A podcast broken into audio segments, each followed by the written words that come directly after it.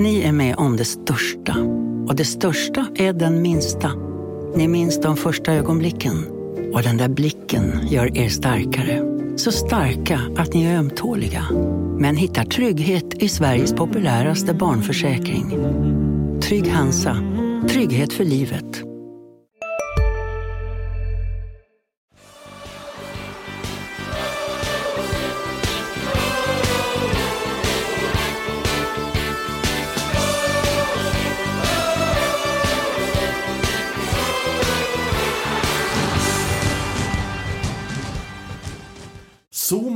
Almaged till Helsingborgs IF. Somar Almaged kan vara på gång. Det är inte klart, men enligt uppgifter till HD Sporten som vi har gått ut med också så kan det vara så att Boys mittfältsstjärna kan hamna hos värsta rivalen.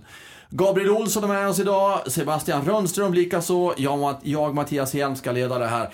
Vad säger ni om det här som det ryktas om nu och som kanske blir av? Ja, det vore ju en eh, rejäl bomb eh, som slår ner i nordvästskånska eh, fotbollen. Sumar Al-Majed, Boys bästa spelare den här säsongen, tveklöst. En av superettans, ja, superettans antagligen bästa mittfältare den här säsongen. Eh, på väg till värsta rivalen som du säger. Det, Eh, om nu det här eh, blir av så, eh, så skulle det ju säkerligen svida rejält i boyslägret. Eh, det är en, en spelare som blivit eh, handplockad av eh, Bill Magnusson och Max Mölder för en, eh, en roll som, eh, som spelmotor på Boys mittfält som säsong för säsong har tagit stora kliv och nu eh, etablerat sig som, eh, som en högkvalitativ spelare på, på superettan-nivå. Går han till HIF, eh, värsta rivalen, så, så är det klart att, att det svider eh, i, i många boys-hjärtan. Det skulle definitivt svida och återigen får Boys inte betalt för en spelare. Vilket skulle svida ännu mer, tror jag. Men vad, vad tror du, eh, Gabriel, du som har följt alla boys matcher den här säsongen. Dels spelmässigt, om då eh, H, eh, HIF, om boys tappar sin eh, stjärna. Ja, det verkar ju som att det nästan är så att han i alla fall kommer att lämna. Sen om det blir HIF ser det ut också som då. Men dels spelmässigt, men också hur, hur skulle reaktionerna bli bland alla boys-supportrar? Rent spelmässigt så har de ju försökt ersätta honom när han varit skadad och det finns ju tydliga siffror på att det inte har, har gått liksom. Så att då måste de ju nästan till plocka in en ny. Och det skulle svida enormt mycket i boyshjärtan om man går till, till värsta rivalen. Jag har mycket svårt att säga någonting annat. Eh, Alltså, eh, är det rent av upprorstämning? Ja, det skulle jag ju säga. Det är din bild också, eh, Sebbe?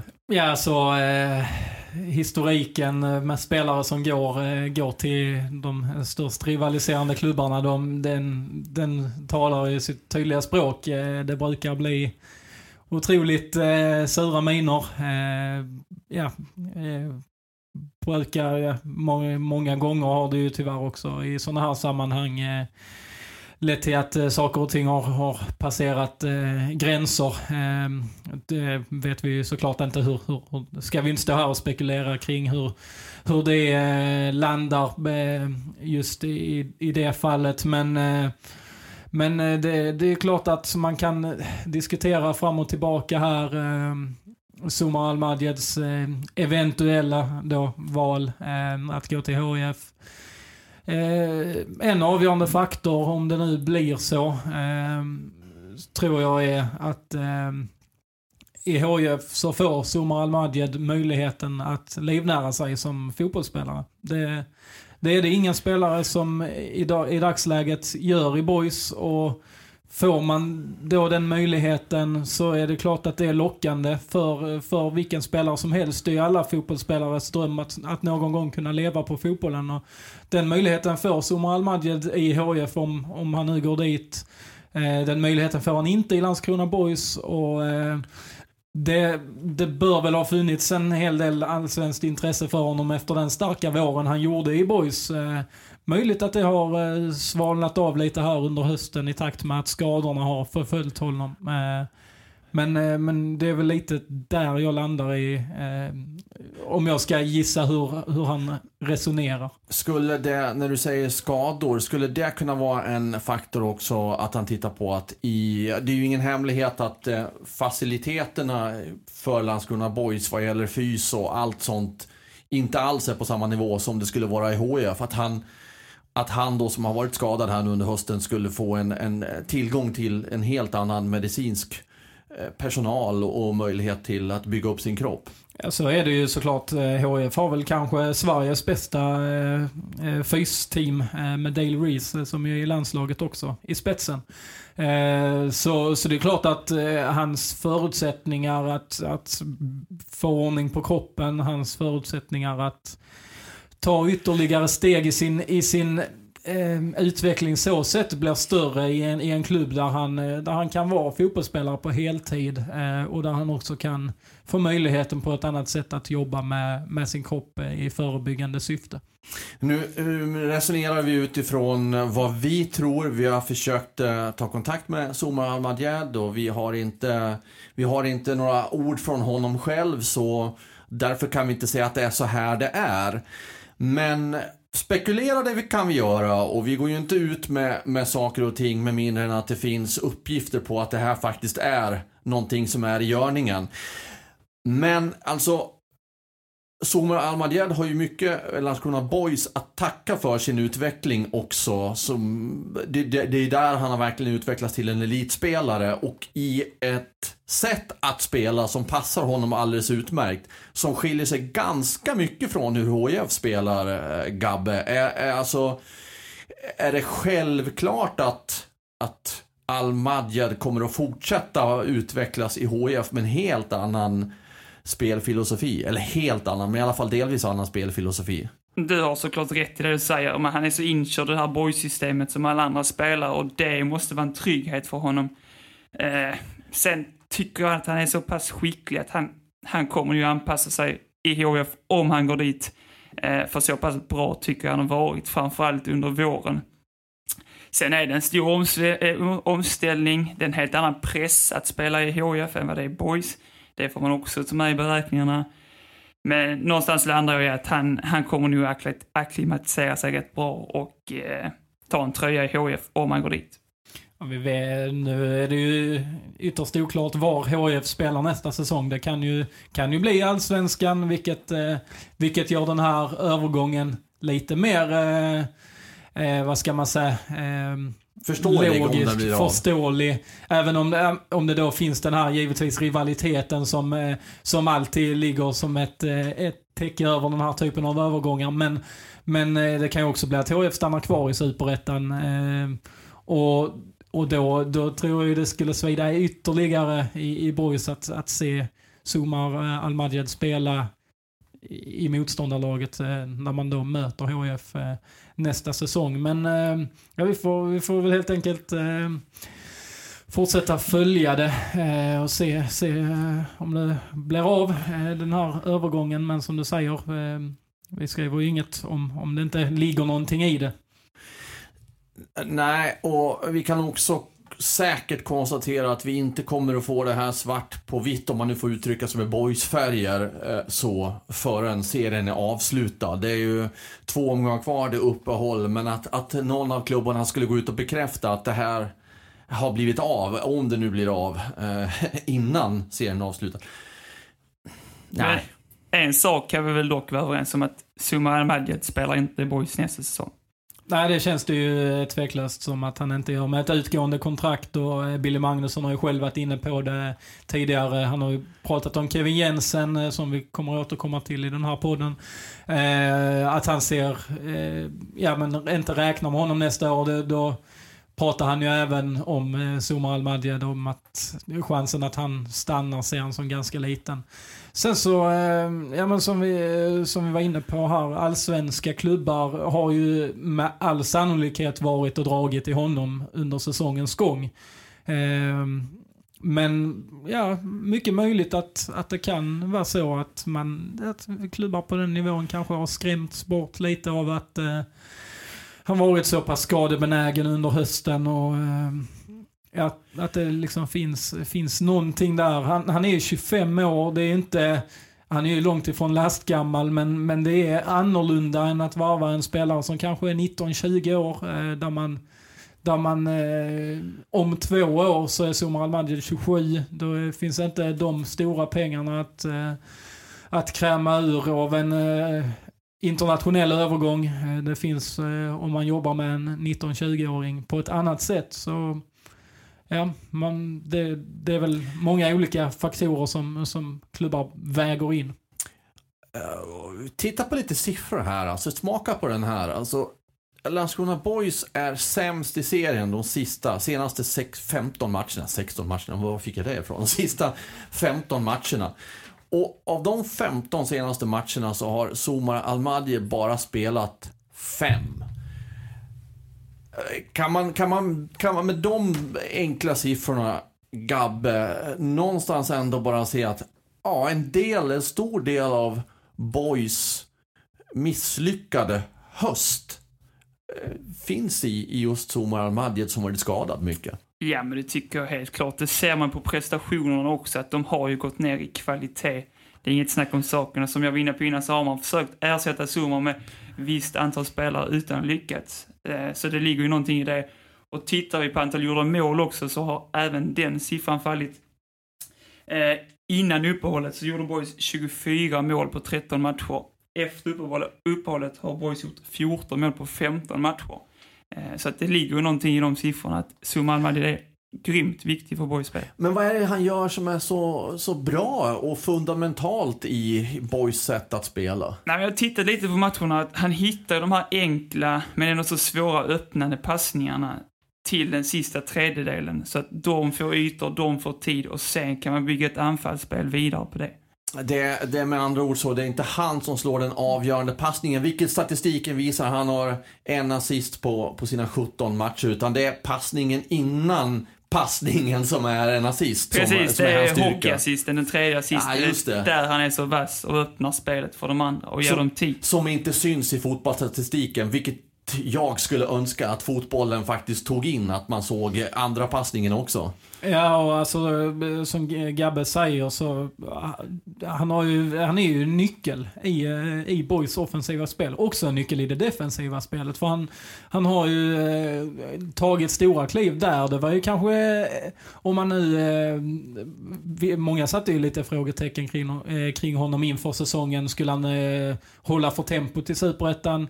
Hur skulle han tackla? För den här rollen han har haft som sexa eh, har ju varit eh, ny för honom. Han har ju spelat i den rollen som Filip Ottosson har haft den här säsongen eh, tidigare då. Eh, men, eh, men han har ju tagit stora kliv även defensivt och eh, blivit en, en stark bollvinnare också. Och det, det är klart att där har Boys också tappat eh, i kvalitet eh, just i det här mellanrummet mellan mittfält och och eh, backlinje, där har ju eh, motståndarna kunnat eh, hota boys på ett helt annat sätt än vad, eh, vad som var fallet när, eh, när Zuma spelade där i våras. Precis, som Sebbe är inne på så har han utvecklat sitt defensiva spel enormt. Och nu har jag ingen statistik på det, men det finns så många bollvinster och så många andra bollar som han har plockat upp. Och sedan kunnat slå de här öppnande passningarna vidare. Eh, så det har han utvecklat något enormt. Och där finns väl ingen i boystruppen som kan ersätta det just nu i alla fall. Och det vi pratade om innan säsongen var ju att vi ställde frågan, har Zumar Al-Madjed eh, hastigheten, snabbheten i sig för att ta de här ytterligare stegen? Och det har han ju inte heller haft några problem med. Nej, det har han löst galant så att det känns som att han utvecklar allting hela tiden och fortsätter så här så, så kommer han bli en duktig spelare. Vi släpper Somar Almadjed här och nu. Vi kommer ju såklart få anledning att återkomma i det här temat, tveklöst. Och innan den här bomben eh, nådde oss så var det ju en annan stor snackis som var huvudtemat. Det blev ju, kan man säga, lite putta till en andra passning här i, i, i, för att fortsätta snacka på det temat i, i det här avsnittet av Landskrona Boys podden, nämligen utvisningarna senast mot ÖIS. Och Eh, det måste vi stanna upp vid och prata om för att det kan ha kostat en möjlig kvalplats för Landskrona Boys. Det är helt rätt det du säger. Boys hade vänt matchen mot Örgryte, ledde med 2-1 och det såg bra ut. Eh, Filip Andersson blir utvisad. Kan vi diskutera sen. Hajer blir utvisad. Och Max Möller blir till sist utvisad från bänken. Ja, eh, och de här utvisningarna då, ska vi ta det? Boys har alltså tagit sig tillbaka i matchen, man har gått upp i ledningen, man är på väg mot en bortaseger och sätta press på just ärkerivalen HIF som ligger på kvalplatsen. Och så kommer den här situationen med Filip Andersson, lagkaptenen.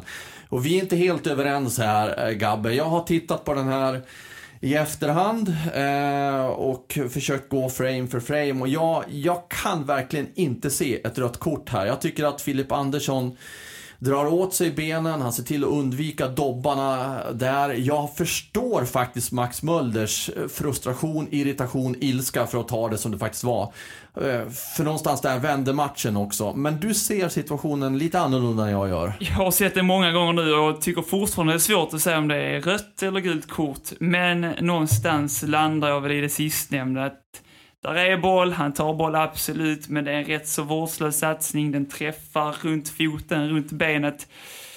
Jag tycker någonstans att ett rött kort kan man plocka upp där. Så att eh, jag är väl lite på domarens linje.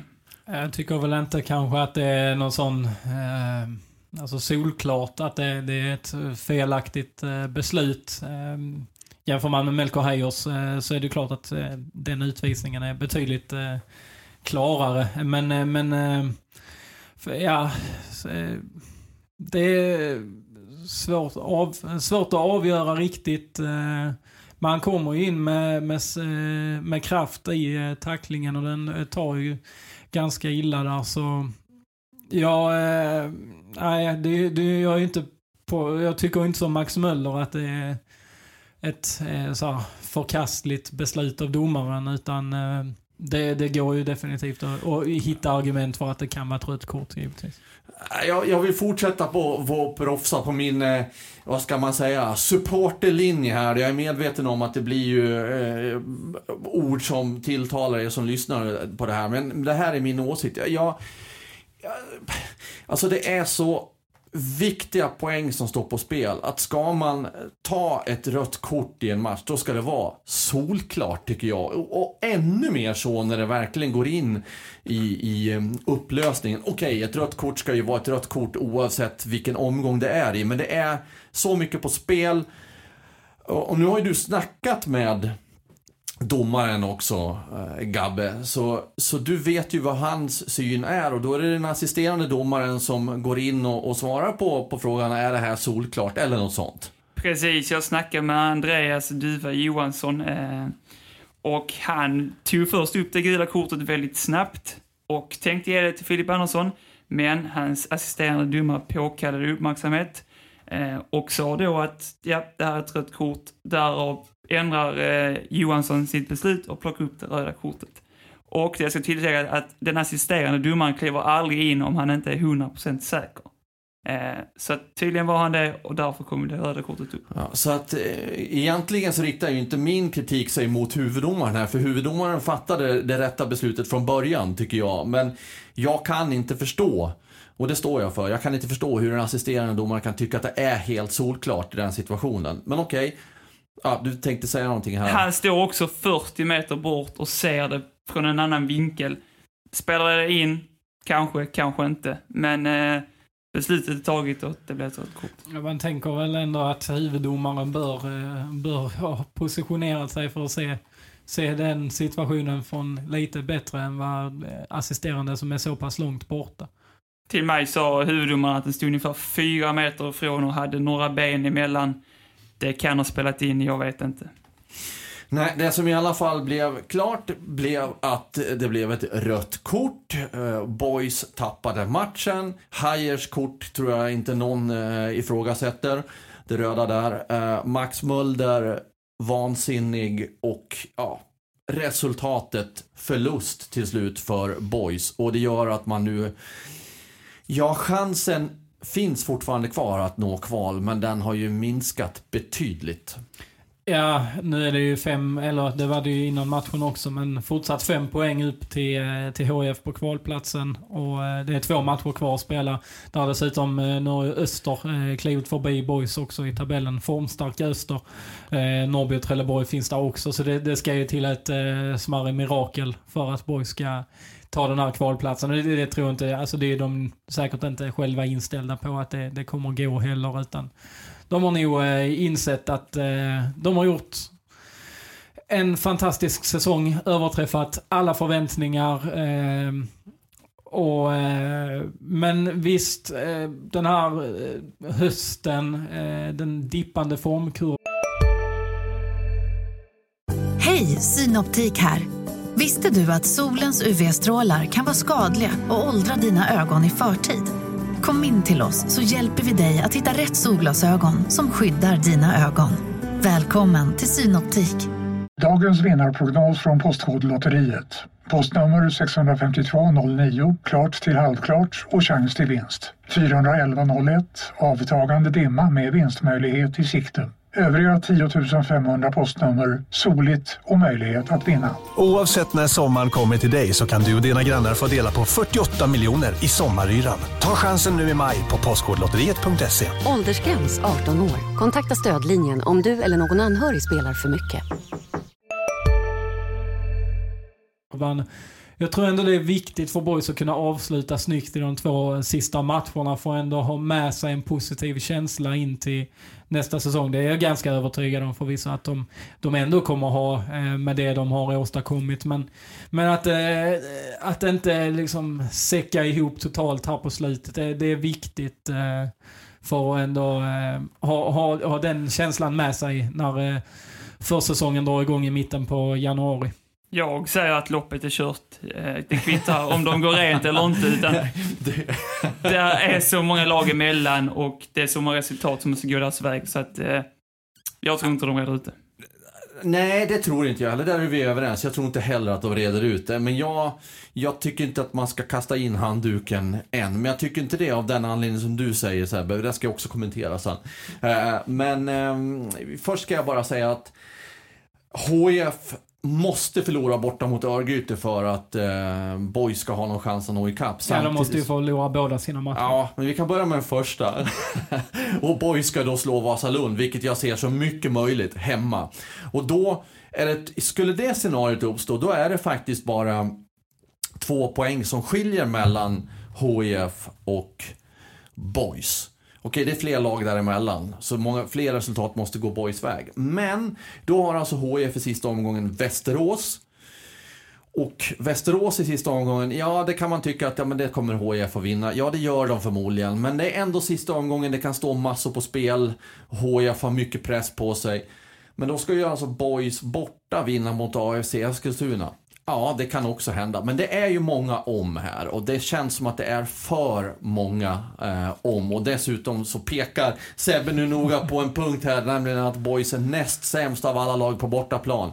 Vilket man inte heller kan bara nonchalera, utan det är ett faktum, ett obestridligt faktum och det är... Nej, det, det, känns, det känns svårt nu. Ja, just det här med bortaplan också. Det finns väl ingen som har något svar på varför det ser ut som det gör på bortaplan. Eh, jag har inte det i alla fall, så att jag kan inte säga någonting här. Jag vet inte om ni har något.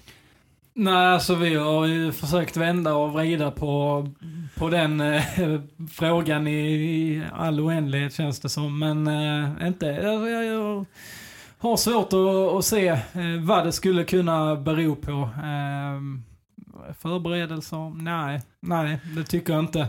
Eh, det är eh, Boys och AFC Eskilstuna som, som är sämst i serien på bortaplan. Eh, AFC är betydligt starkare hemma, ja det är, är ju Boys också såklart. Men, eh, men nej, det, det är ju någonting man eh, behöver eh, fundera över i Boys. Eh, för hade Boys haft ett, eh, hade man kunnat vara i mitten på bortatabellen, ja då hade man väl antagligen, ja, kanske rent av tagit en direktplats till allsvenskan. Jag skulle säga, hade man varit bättre de senaste fem matcherna på bortaplan så hade man nog varit med i toppstriden av de allsvenska direktplatserna. För vi har Falkenberg borta man förlorar, vi har Brage borta man förlorar, vi har Trelleborg tappar man två poäng mot eh, när man hade en 2-0-ledning på, på hörnor, två stycken dessutom. Precis, det finns många exempel på många bortamatcher som varit mindre bra. Så att hade man bara höjt det de senaste, senaste matcherna på bortplan så hade man nu varit med i toppstriden ordentligt.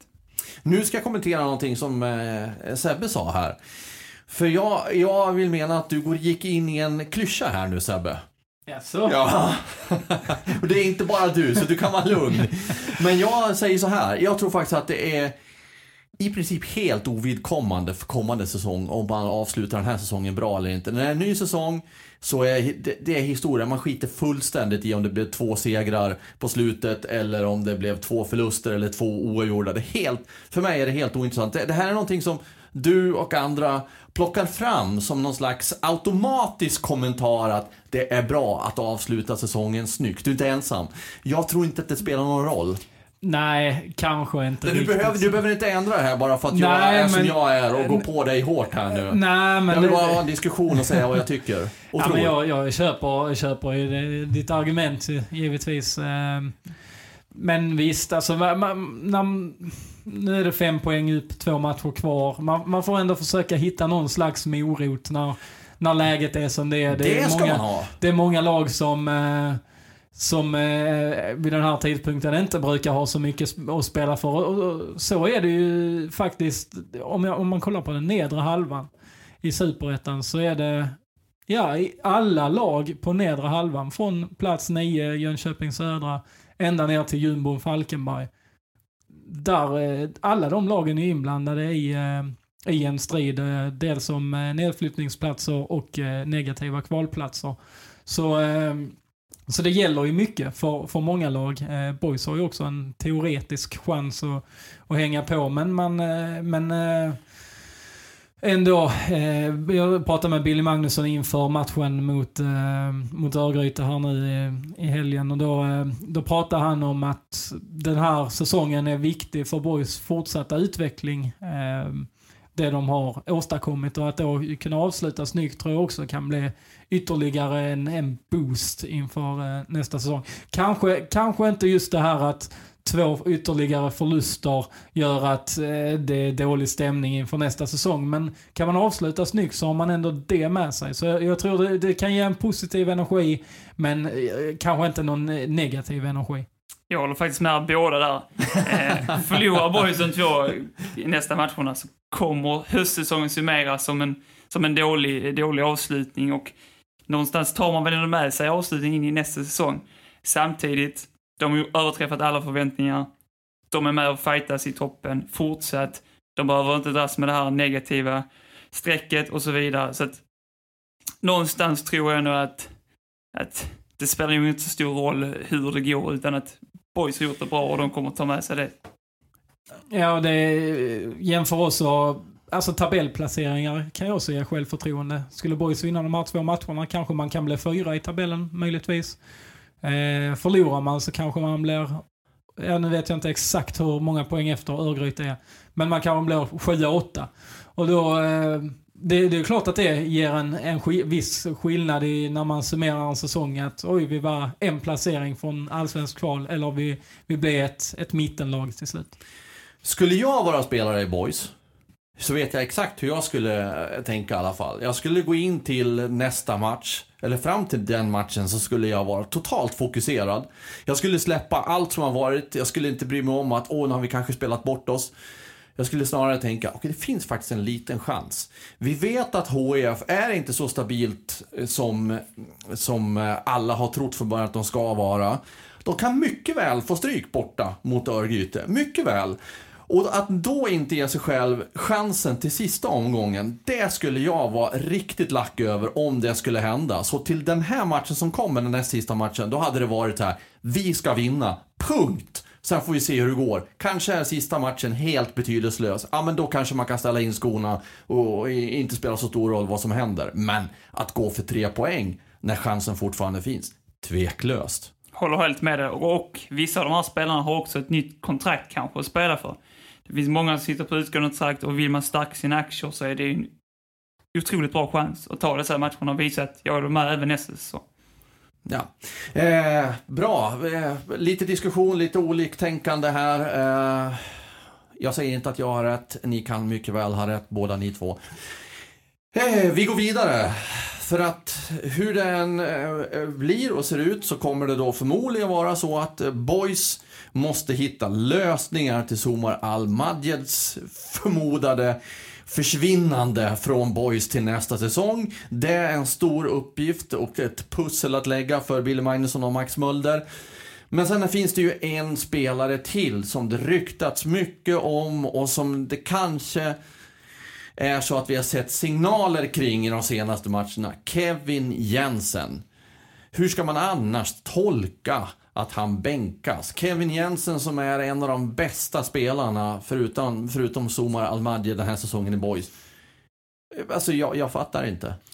Hjälp mig här nu, ni som kan ja, fotboll. Alltså, han har visst, Kevin Jensen har också pendlat lite i sina prestationer. Eh, inte gjort så otroligt många poäng kanske. Men, eh, men det är ju tveklöst en av Boys eh, absolut bästa offensiva spelare.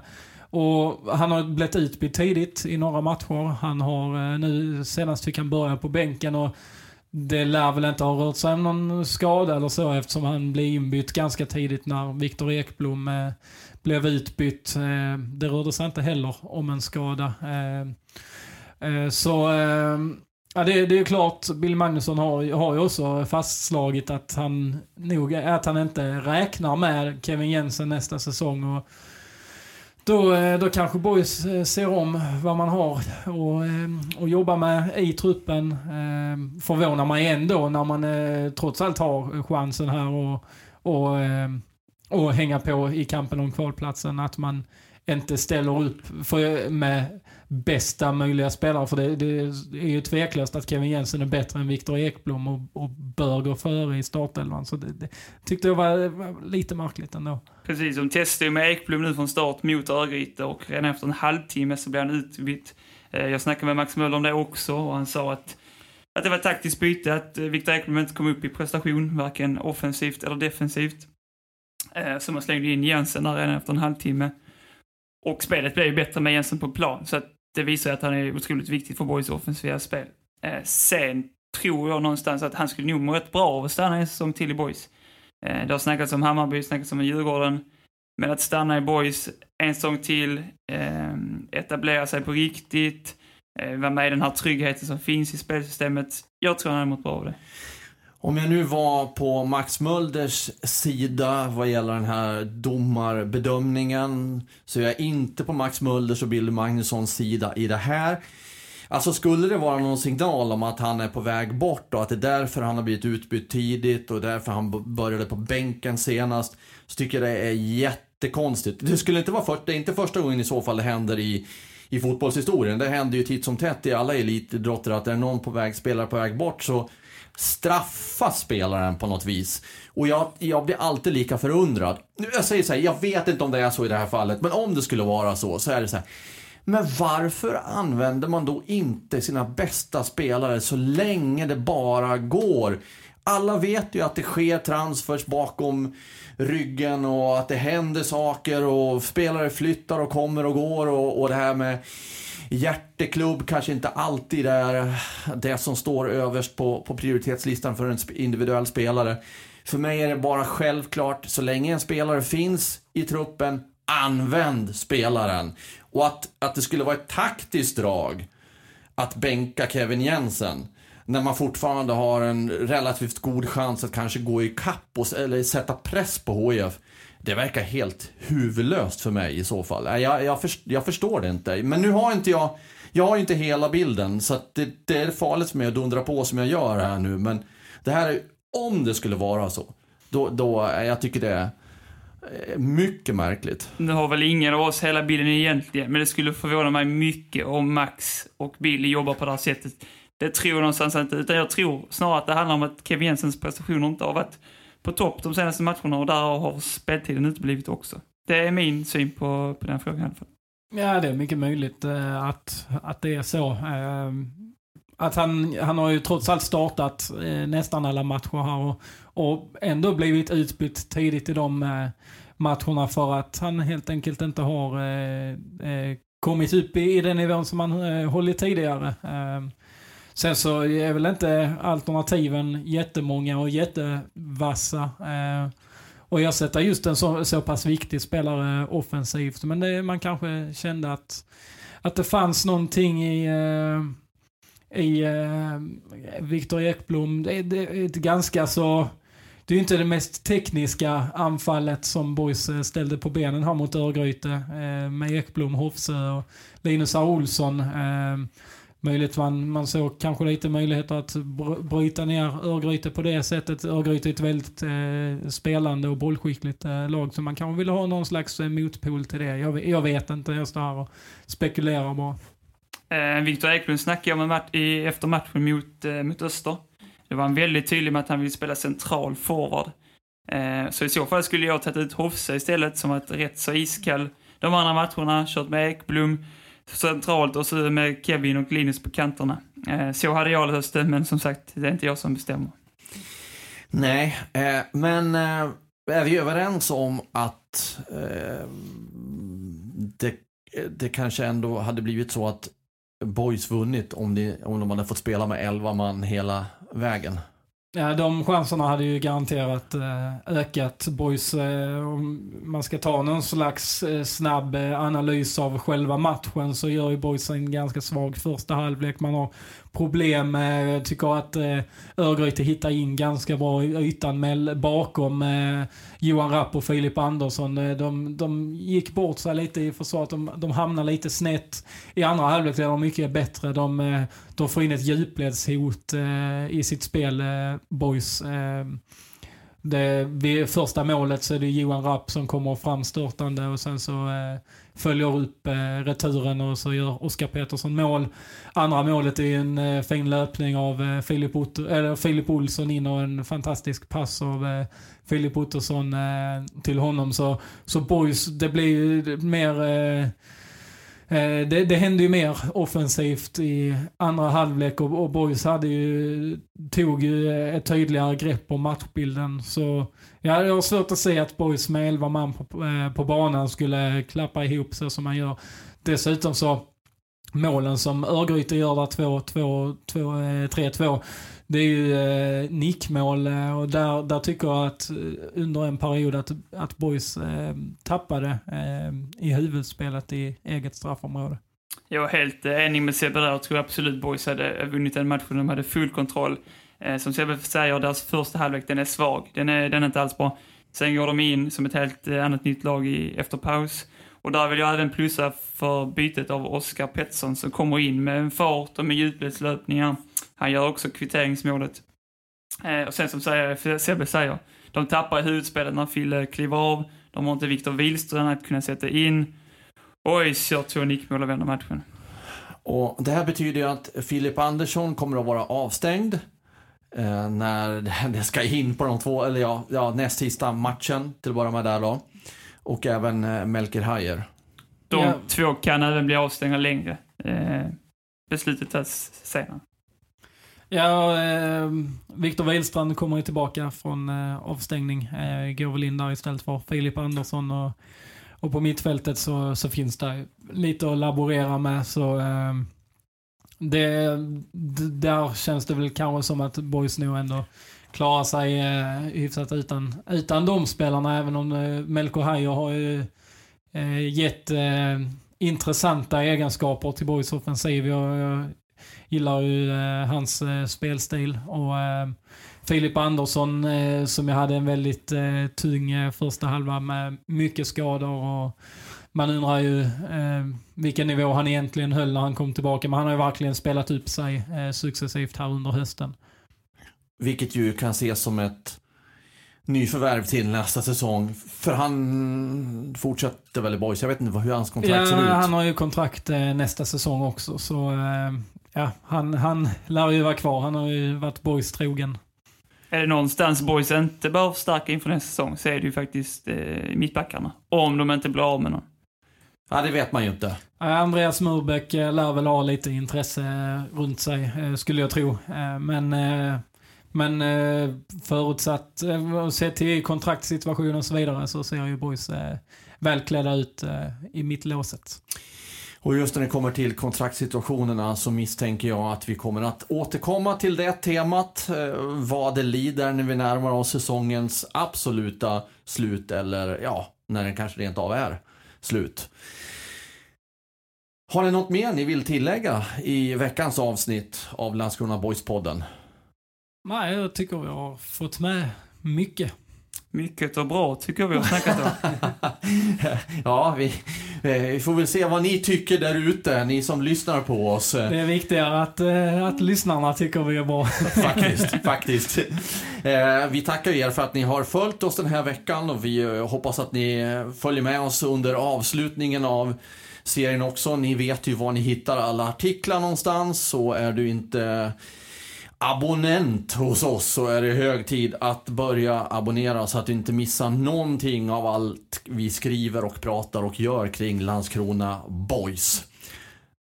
Du står här och nickar Sebbe. Ja. Du var på väg att säga någonting. Nej, Nej, vi nöjer oss där. vi nöjer oss där och tackar för visat intresse än en gång och så önskar vi er såklart fortsatt sköna novemberdagar om det nu går. Eh, ja, ut och, ut och rör på er. Det är härligt krispigt. Börjar bli lite kallt nu. Skönt sitta inne på redaktion. Det är bra. Hej så länge.